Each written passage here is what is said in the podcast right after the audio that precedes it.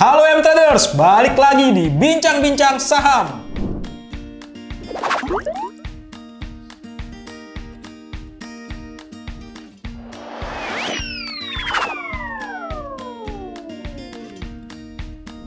Kali ini bareng gua Surya, bareng Coach Tasya. Tasya.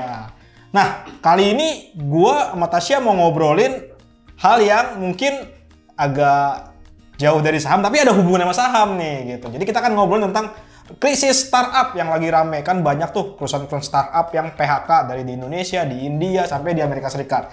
Sebenarnya apa sih yang terjadi dengan dunia startup ini? Kenapa pas ekonomi mau pulih kok mereka malah PHK? Kan lucu gitu. Nah, kita akan cari penjelasan bersama Coach Tasya. Mau dapat bimbingan intensif belajar saham dan referensi? Bisa tanya jawab secara intensif? Yuk, daftar Mtrade sekarang di mtrade.id slash whatsapp atau klik di bawah sini ya.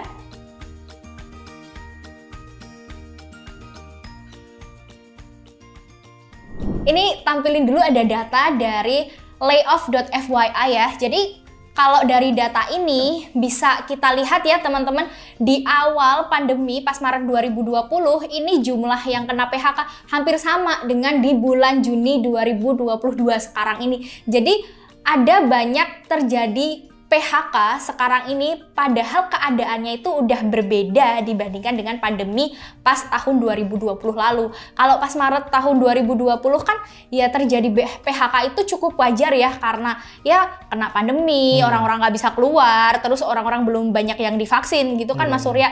Nah, kalau sekarang nih kok bisa terjadi PHK padahal pemulihan ekonomi itu udah terjadi, terus udah mobilitas meningkat, bahkan setengah dari populasi Indonesia tuh udah divaksin loh teman-teman. Nah ini yang jadi pertanyaan, mengapa hal itu terjadi?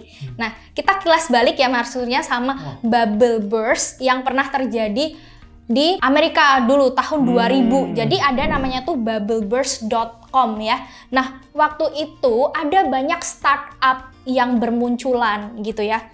Nah, startup-startup ini punya prospek pertumbuhan yang cukup tinggi. Jadi ekspektasi orang-orang tuh, wah ini prospek pertumbuhannya bakal gede nih. Akhirnya Hmm. mereka investasi lah di eh, saham ataupun eh, ke perusahaan itu secara langsung. Tapi yang terjadi ketika perusahaan itu banyak ya eh, yang bermunculan, tapi tidak diiringin dengan fundamental yang bagus, akhirnya mereka tidak bisa proof the number gitu. Mereka tidak bisa membukukan profit gitu Mas Surya. Jadi ketika ya investor pengen me- cari haknya gitu ya mendapatkan keuntungan malah nggak dapat gitu kan Hmm. akhirnya ya mereka jadi beralih jual sahamnya dong seperti itu maka terjadi bubble gitu ya karena ekspektasi yang terlalu tinggi tapi ternyata tidak sesuai dengan eh, returnnya yang diharapkan akhirnya terjadi bubble seperti itu. Nah saat ini pun hampir sama ya Mas Surya. Eh, saat ini kan pemulihan ekonomi terjadi, tapi masih banyak yang merugi seperti itu. Jadi ini eh, ada krisis mungkin di manajemennya seperti ya untuk eh, apa namanya pengelolaan keuangannya. Jadi mereka melakukan PHK itu untuk melakukan efisiensi usaha juga seperti Hmm. itu. Iya iya iya, waktu bubble.com 2000 tuh gue belum lahir sih, jadi gue nggak tahu ya. iya. Nah, berarti kan emang ya si startup startup sekarang kan dapat duit banyak nih kemarin-kemarin kan ya. Dan mereka genjot gitu, jadi kenceng gitu ya. Sampai buat dapat GMV yang semiliar-miliar US dollar dan akhirnya sekarang pas investornya mulai mengetatkan uangnya, mereka jadi nggak ada uang gitu ya. Jadi mereka udah nggak ada uang lagi yang berputar dan akhirnya terpaksa mau nggak mau ya PHK ya biar Iya, benar. Jadi kan karena investornya juga saat ini ya kondisi ekonomi kita tahu sendiri saat ini secara global ya tentunya kita flashback dulu nih Iya. eh, secara makro gitu ya dari US eh, karena merupakan negara adidaya jadi kita bahas dulu dari US itu inflasi udah terlampau tinggi teman-teman. Saat ini tuh di 8,6 persen. Ini tertinggi loh sejak 40 tahun yang lalu. Nah karena inflasi ini yang terlampau tinggi akhirnya Bank Sentral Amerika atau The Fed itu mengetatkan kebijakan moneternya dengan cara menaikkan suku bunga acuan. Nah kemarin ya eh, di bulan Juni ini tuh ada rapat FOMC meeting gitu. Nah mereka di konsensus itu mau menaikkan 50 bips gitu, tapi pada kenyataannya malah menaikkan lebih tinggi Mas. Surya dari ekspektasi kayak gitu.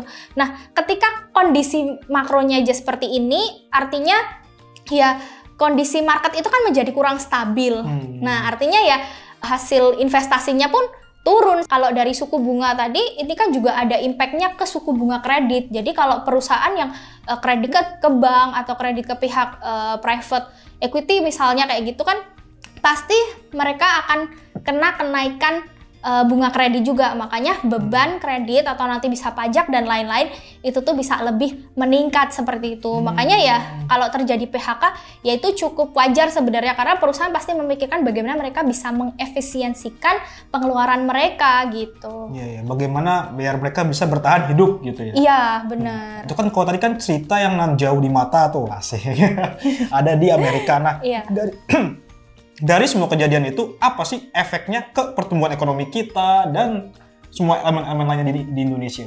Oke, mungkin sebelumnya di Indonesia sendiri ya, hmm. ini memang juga ada terjadi PHK ya teman-teman kayak di Zenius, hmm. terus ada di Tani Hub dan lain-lainnya.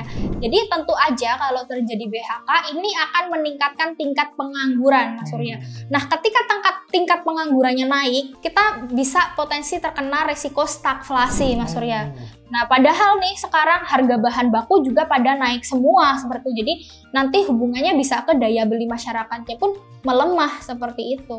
Wah, sistemik banget ya. Pantesan sekarang gue beli telur tuh mahal banget. Beli cabai juga mahal. Ada hubungannya semua itu ya? Iya, memang itu kayak roda gitu ya, Mas. Iya, iya kayak iya, iya. semuanya tuh saling bersatu gitu, saling hmm. berhubungan gitu. Iya sih tadi pakai juga lumayan besar ya pas mereka di PHK yang dari startup harga barang baku naik ya daya beli juga Iya, melemah naik, juga iya. gitu. Wah, risikonya gede. Nah, kalau misalkan nih dari kejadian semua itu ke, efeknya ke saham-saham teknologi, kita balik bahas ke saham nih.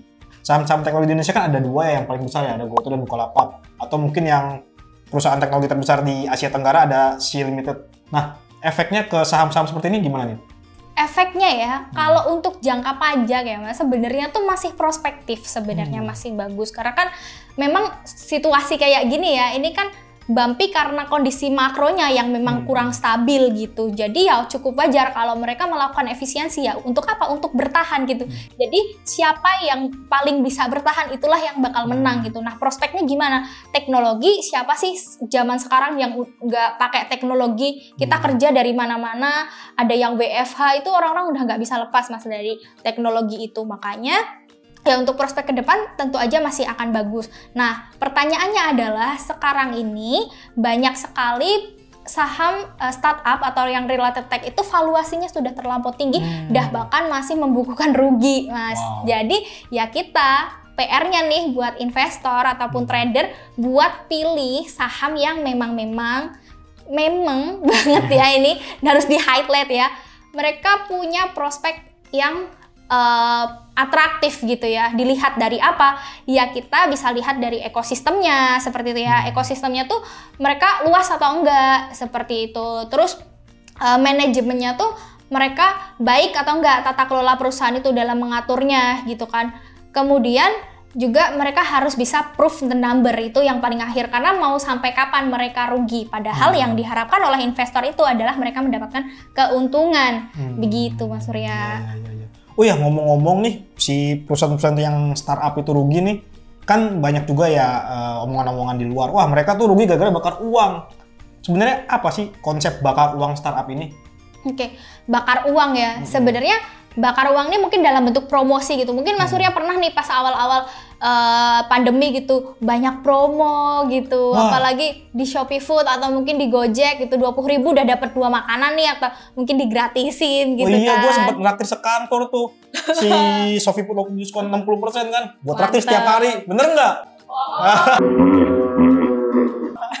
iya, cuma sekarang udah nggak ada ya kayaknya. Ya? Nah itu, jadi sekarang ini kan karena situasinya yang mungkin udah tingkat suku bunga naik seperti itu kan jadi pengeluaran mereka kan jadi tambah gede gitu ya. Maka mereka harus efisiensi juga. Dan mengurangi promo itu juga salah satunya kayak gitu. Jadi uh, mungkin burning money-nya pas awal dulu tuh besar-besaran mungkin sekarang udah mulai sedikit mereda yaitu mungkin cukup wajar gitu ya mas. Karena pas dulu memang mereka gencar-gencaran burning money itu untuk apa? Untuk meningkatkan market share hmm. gitu ya. Nah, ketika suatu startup itu mereka market market share-nya tuh udah mulai uh, tinggi gitu ya, hmm. udah mulai stabil. Nah, mereka mulai tuh bisa mengurangi promonya atau mereka mulai bisa mengganti take rate-nya itu dinaikkan. Take rate tuh kayak komisi begitu ya. Kan hmm. Kan ada beberapa misal Gojek itu mereka kan pendapatannya dari komisi seperti itu. Jadi ya mungkin banyak yang dilakukan oleh uh, perusahaan startup ya untuk kebijakannya ini. Tapi yang terutama adalah burning money itu dilakukan untuk meningkatkan market share-nya dulu supaya growth-nya ini tuh tinggi gitu. Jadi wajar kalau perusahaan startup itu growth-nya tuh pada tinggi-tinggi mas. Oh biar mereka bisa menang saing ya kayak kemarin kayak dulu kan ada Uber ya. Uber akhirnya kalah saing karena mungkin tak promonya kurang, akhirnya dia menyerahkan asetnya ke Grab gitu ya. Iya, betul Mas kayak gitu. Jadi intinya perusahaan startup itu siapa yang paling bisa efisien dan paling bertahan itulah yang bakal menang. Nah, itu tadi kita hasil ngobrol dengan Coach Tasya terkait tentang krisis startup yang terjadi saat ini yang efeknya juga ke ekonomi Indonesia dan juga ke saham-saham teknologi. Yang kalau kita lihat sebenarnya faktornya adalah dulu tuh konsepnya adalah mereka kejar-kejaran market share, kejar-kejaran ngejar uh, matrix-matrix biar tumbuh tinggi gitu.